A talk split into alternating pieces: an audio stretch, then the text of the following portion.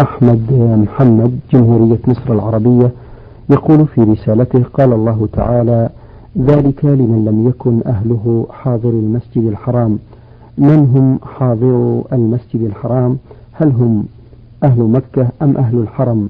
وما رأيكم من قال إن للمكي أن يتمتع ويقرن بدون أهله.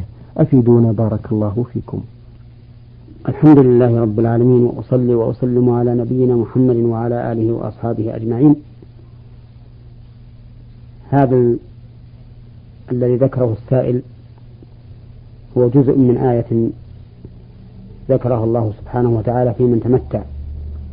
فقال فمن تمتع بالعمرة إلى الحج فما استيسر من الهدي فمن لم يجد فصيام ثلاثة أيام في الحج وسبعة إذا رجعتم تلك عشرة كاملة ذلك لمن لم يكن أهله حاضر المسجد الحرام. وحاضر المسجد الحرام هم أهل مكة ومن كان دون المسافة من الحرم. نعم. دون مسافة القصر على اختلاف العلماء في تحديدها. هؤلاء هم حاضر المسجد الحرام. فمن كان من من حاضر المسجد الحرام فإنه وإن تمتع بالعمرة إلى الحج ليس عليه هدي مثل لو سافر الرجل من أهل مكة إلى المدينة مثلا في أشهر الحج ثم رجع من المدينة فأحرم من ذي الحليفة بالعمرة مع أنه قد نوى أن يحج هذا العام نعم. فإنه لا هدي عليه هنا لأنه من حاضر المسجد الحرام. ولو أن أحدا فعله من غير حاضر المسجد الحرام لوجب عليه الهدي أو بدله إن لم يجده. وأهل مكة يمكن أن يتمتعوا ويمكن أن يقرنوا ولكن لا هدي عليهم. فمثال تمتعهم ما ذكرته آنفا. أن يكون أحد من أهل مكة في المدينة فيقدم مكة في أشهر الحج محرما بعمرة ناويا أن يحج من سنته ثم يحج. فهذا تمتع بالعمرة إلى الحج لكن لا هدي عليه لأنه من هذا المسجد الحرام. ومثال القرآن أن يكون أحد من أهل مكة في المدينة ثم يحرم من ذي الحليفة في أيام الحج بعمرة وحج قارنا بينهما فهذا قارن ولا هدي عليه أيضا لأنه من حاضر المسجد الحرام. بارك الله فيكم. أيضا يسأل ويقول بالنسبة للقارن هل يكفيه عمل الحج فيطوف طوافا واحدا ويسعى سعيا واحدا للحج والعمرة مثل المفرد أم أنه لا بد من طوافين وسعيين في دون مأجورين؟ الصحيح أنه أي القارن ليس عليه إلا طواف واحد وسعي واحد. كما فعل النبي صلى الله عليه وسلم. ولكنه أي القارن أول ما يقدم مكة يطوف طواف القدوم ثم يسعى بين الحج بين الصفا والمروة للحج وللعمرة ويبقى على إحرامه. فإذا كان يوم العيد ورمى جمرة العقبة ونحر وحلق نزل إلى مكة فطاف طواف الإفاضة بنيته للعمرة والحج. فإذا أراد أن يسافر إلى بلده لم يخرج حتى يطوف للوداع كما فعل النبي صلى الله عليه وسلم. وإنما وإنما كان يجزئه طوافان وسعيان لأن العمرة في هذه الصورة دخلت في الحج. فهي كما لو نوى الجنب الغسل فإنه يكفيه عن الغسل وعن الوضوء. نعم. بارك الله فيكم. آه أيضا يسأل ويقول آه قال الرسول صلى الله عليه وسلم هن لهن ومن ولمن مر عليهن من غير أهلهن. ما معنى هذا؟ بارك الله فيكم. معنى هذا أن النبي صلى الله عليه وسلم وقت مواقيت وقت لأهل المدينة ذا الحليفة ولأهل الشام الجحفة ولأهل اليمن يلملم ولأهل نجد قرن المنازل. وقال هن لهن أي هذه المواقيت لأهل هذه البلاد. ولمن مر عليهن أي على هذه المواقيت من غير أهلهن. فأهل المدينة يحرمون من ذي الحليفة إذا أرادوا الحج أو العمرة. وإذا مر أحد من أهل نجد نعم. عن طريق المدينة أحرم من ذي الحليفة لأنه مر بالميقات. وكذلك إذا مر أحد من أهل الشام عن طريق المدينة فإنه يحرم من ذي الحليفة لأنه مر بها. وكذلك لو أن أحدا من أهل المدينة جاء من قبل نجد ومر بقرن المنازل فإنه يحرم منه. هذا معنى قوله ولمن مر عليهن من غير أهلهن. ومن تأمل هذه المواقيت تبين له فيها فائدتان. الفائدة الأولى رحمة الله سبحانه وتعالى بعباده حيث جعل لكل ناحية ميقاتا عن طريقهم حتى لا يصب عليهم أن يجتمع الناس من كل ناحية في ميقات واحد. والفائدة الثانية أن تعيين هذه المواقيت من قبل أن تفتح هذه البلاد فيه آية للنبي صلى الله عليه وسلم حيث إن ذلك يستلزم أن هذه البلاد ستفتح وأنها سيغدو منها قوم يؤمون هذا البيت للحج والعمرة. ولهذا قال ابن عبد القوي في منظومته, في منظومته الدالية المشهورة وتوقيتها من معجزات نبينا بتعيينها من قبل فتح المعدد. فصلوات الله وسلامه عليه. بارك الله فيكم. آه أيضا فضيلة الشيخ ما رأيكم في من كان طريقه لا تمر بشيء من هذه المواقيت؟ وإذا أحرم آه أو الحاج قبل الميقات ما حكم ذلك؟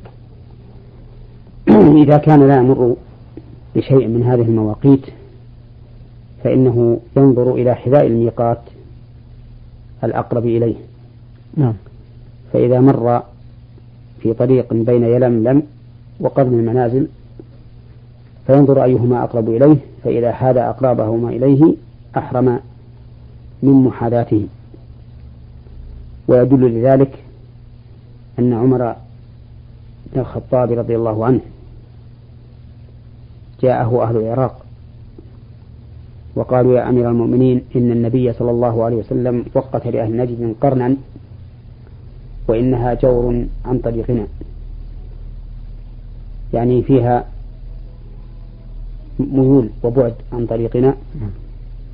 فقال رضي الله عنه انظروا إلى حذوها من طريقكم. فأمرهم أن ينظروا إلى محاذاة قرن المنازل. هكذا جاء في صحيح البخاري. وفي حكم عمر رضي الله عنه هذا فائدة جليلة وهي أن الذين يأتون عن طريق الطائرات نعم. وقد نووا الحج والعمرة ويمرون بهذه المواقيت إما فوقها أو عن يمينها أو يسارها يجب عليهم أن يحرموا إذا حاذوا هذه المواقيت. ولا يحل لهم أن يؤخروا الإحرام حتى ينزلوا في جدة كما يفعله كثير من الناس. فإن هذا خلاف ما حدده النبي عليه الصلاة والسلام. وقد قال الله تعالى ومن يتعدى حدود الله فقد ظلم نفسه. وقال تعالى ومن يتعدى حدود الله فأولئك هم الظالمون. فعلى الإنسان الناصح لنفسه إذا كان جاء عن طريق الجو. وهو يريد الحج وهو يريد الحج أو العمرة عليه أن يكون متهيئا للإحرام في الطائرة فإذا حالت أول ميقات يمر به وجب عليه أن يحرم أي أن ينوي الدخول في النسك ولا يحل له أن يؤخر ذلك حتى يهبط في مطار جدة. بارك الله فيكم. آه أيضا آه يقول ما حكم الشرع في نظركم في من يبيع ويشتري ويتكسب وهو يؤدي الحج والعمرة. أفيدونا. بارك الله فيكم. جواب هذا السؤال بينه الله عز وجل في قوله ليس عليكم جناح أن تبتغوا فضلا من ربكم. فإذا كان الإنسان قد أتى بنية الحج ولكنه حمل معه سلعة يبيعها في الموسم أو اشترى سلعة من الموسم لأهله أو ليبيعها في بلده فإن هذا لا بأس به. ما دام القصد الأول هو الحج أو العمرة وهو من توسيع الله عز وجل على عباده حيث لم يعنتهم جل وعلا بمنعهم من الاتجار والتكسب. نعم. ومثل ذلك إذا كان الإنسان صاحب سيارة وأراد أن يحج ثم حمل عليها أناسا بالأجرة فإن ذلك لا بأس به ولا حرج فيه. لدخوله في عموم قوله ليس عليكم جناح أن تبتغوا فضلا من ربكم. بارك الله فيكم. آه هذه رسالة من أحمد آه آه حسين. العراق محافظة نينوى يقول في رسالته كيف كان الاستقبال للرسول صلى الله عليه وسلم عندما هاجر من مكة إلى المدينة المنورة؟ ومن هم الذين كانوا بصحبة الرسول صلى الله عليه وسلم؟ أفيدونا في ذلك بارك الله فيكم. كان استقبال النبي صلى الله عليه وسلم حين قدم إلى المدينة مهاجرا من مكة. استقبالا عظيما يدل على فرح الصحابة رضي الله عنهم بمقدمه وحبهم لرسول الله صلى الله عليه وسلم. فإنهم كانوا يخرجون فإنهم كانوا لما علموا بخروجه من مكة كانوا يخرجون إلى الحرة ينتظرون النبي صلى الله عليه وسلم. إلى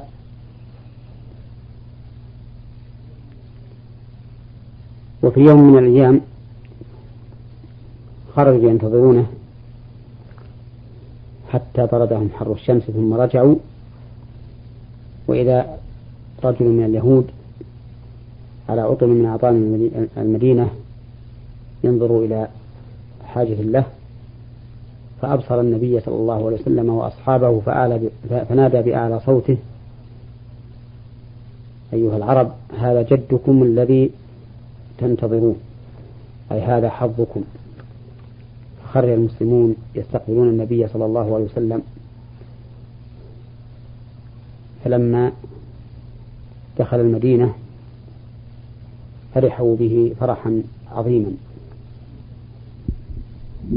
وأما أصحابه فكان الذي معه صاحبه أبو بكر الصديق رضي الله عنه الذي أشار الله تعالى إلى صحبته في كتابه حيث قال إلا تنصروه فقد نصره الله إذا أخرجه الذين كفروا ثاني اثنين إذ هما في الغار إذ يقول لصاحبه لا تحزن إن الله معنا. وكان معهما رجل يقال له عبد الله بن ريقط يدلهما الطريق. نعم. بارك الله فيكم. آه هذه رسالة وصلتنا من المستمعة ميم, ميم نون ألف آه من الدمام الخضر تقول في رسالتها ما هي الأدعية الواردة في يوم عرفة؟ أفيدوني بذلك بارك الله فيكم. الأدعية الواردة في يوم عرفة منها ذكر الله عز وجل كما قال النبي عليه الصلاة والسلام خير الدعاء دعاء يوم عرفة وخير ما قلته أنا والنبيون من قبلي لا إله إلا الله وحده لا شريك له له الملك وله الحمد وهو على كل شيء قدير. وفيه أدعية أخرى يمكن الرجوع إليها في كتب الحديث وأهل الفقه.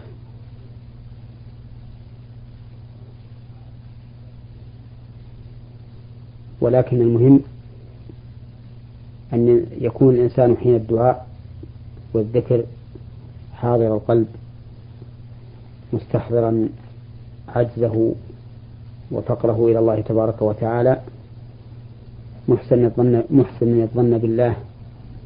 فإن الله تعالى يقول وإذا سألك عبادي عني فإني قريب أجيب دعوة الداع إذا دعان.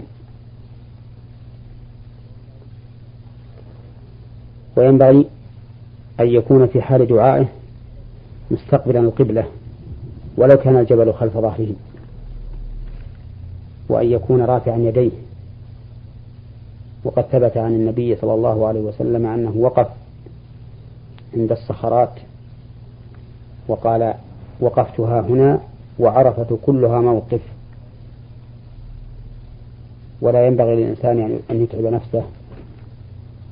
الذهاب إلى الموقف الذي وقف فيه الرسول صلى الله عليه وسلم مع شدة الحر وبعد المسافة واختلاف الأماكن فربما يلحقه العطش والتعب وربما يضيع عن مكانه فيحصل في ذلك عليه ضرر. والنبي عليه الصلاة والسلام قد قال عرفت كلها موقف. وكأنه صلى الله عليه وسلم يشير بهذا القول إلى أنه ينبغي للإنسان أن يقف في مكانه إذا كان يحصل عليه تعب ومشقة في الذهاب إلى الموقف الذي وقف فيه النبي صلى الله عليه وسلم. نعم. شكر الله لكم. أيضا تسأل وتقول ما حكم لو وقف الحجاج في اليوم الثامن أو العاشر خطأ؟ هل يجزئهم؟ وما معنى الحج عرفة؟ نعم. لو وقف الحجاج في اليوم الثامن أو في اليوم التاسع خطأ فإن, فإن ذلك يجزئهم. لأن الله تعالى لا يكلف نفسا إلا وسعها. وقد قال الله تعالى وليس عليكم جناح فيما أخطأتم به ولكن ما تعمدت قلوبكم. وكان الله غفورا رحيما. وأما معنى قول النبي صلى الله عليه وسلم الحج عرفة فمعناه أنه لا بد في الحج من الوقوف بعرفة. فمن لم يقف بعرفة فاته الحج. وليس معناه أن من وقف بعرفة لم يبقى عليه شيء من أعمال الحج. بالإجماع. فإن الإنسان إذا وقف بعرفة بقي عليه من أعمال الحج. المبيت بالمزدلفة وطواف الإفاضة والسعي بين الصفا والمروة ورمي الجمار ورمي الجمار والمبيت بمنى ولكن المعنى أن الوقوف بعرفة لا بد منه في الحج وأن من لم يقف بعرفة فلا حج له. ولهذا قال أهل العلم من فاته الوقوف فاته الحج. بارك الله فيكم. آه هذه رسالة المستمع حسين عبد السلام يقول في رسالته ما حكم من أدى العمرة فقط ولم يؤدي فريضة الحج؟ حكمه أن أداءه للعمرة نعم. واقع موقع موقعه وقد برئت ذمته من العمرة وأدى الواجب عليه فيها فيها. ولكن بقت عليه فريضة الحج التي هي فرض بالنص والإجماع. فعليه إذا أدرك وقت الحج أن يحج البيت إذا كان مستطيعا لقول الله تعالى ولله على الناس حج البيت من استطاع إليه سبيلا. وأما ظن بعض الناس أن من أتى بالعمرة قبل الحج فإنه لا عمرة له فهذا لا أصل له. بل إن رسول الله صلى الله عليه وسلم اعتمر بعد هجرته قبل أن يحج. نعم. شكر الله لكم. آه، أيضا في سؤاله الثاني يقول سمعت من إمام الجمعة بأنه يقول حرام على المسلم أن يصلي آه، صلاة الجمعة في بيته. وأنا في بعض الأحيان أصلي في, في أصلي الجمعة في البيت وبقية الفروض. فهل صلاتي صحيحة أم لا؟ أفيدوني بذلك. بارك الله فيكم. لا يحل للإنسان أن يصوم أن يصلي الجمعة في بيته بل الواجب عليه حضور المسجد مع الجماعة. فإن كان لا يستطيع فإنه يصلي في بيته صلاة الظهر. لأن الجمعة لا بد فيها من حضور الجماعة في المسجد ولا بد فيها من الخطبة. ولا يمكن أن يصلي الإنسان وحده في بيته صلاة الجمعة.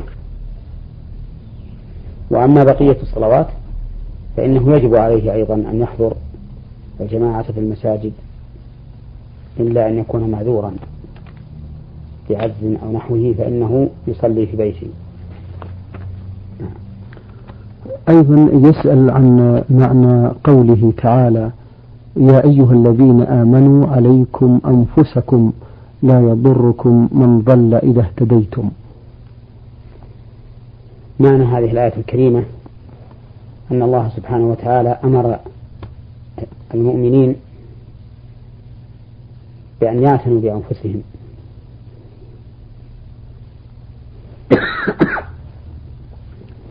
أمر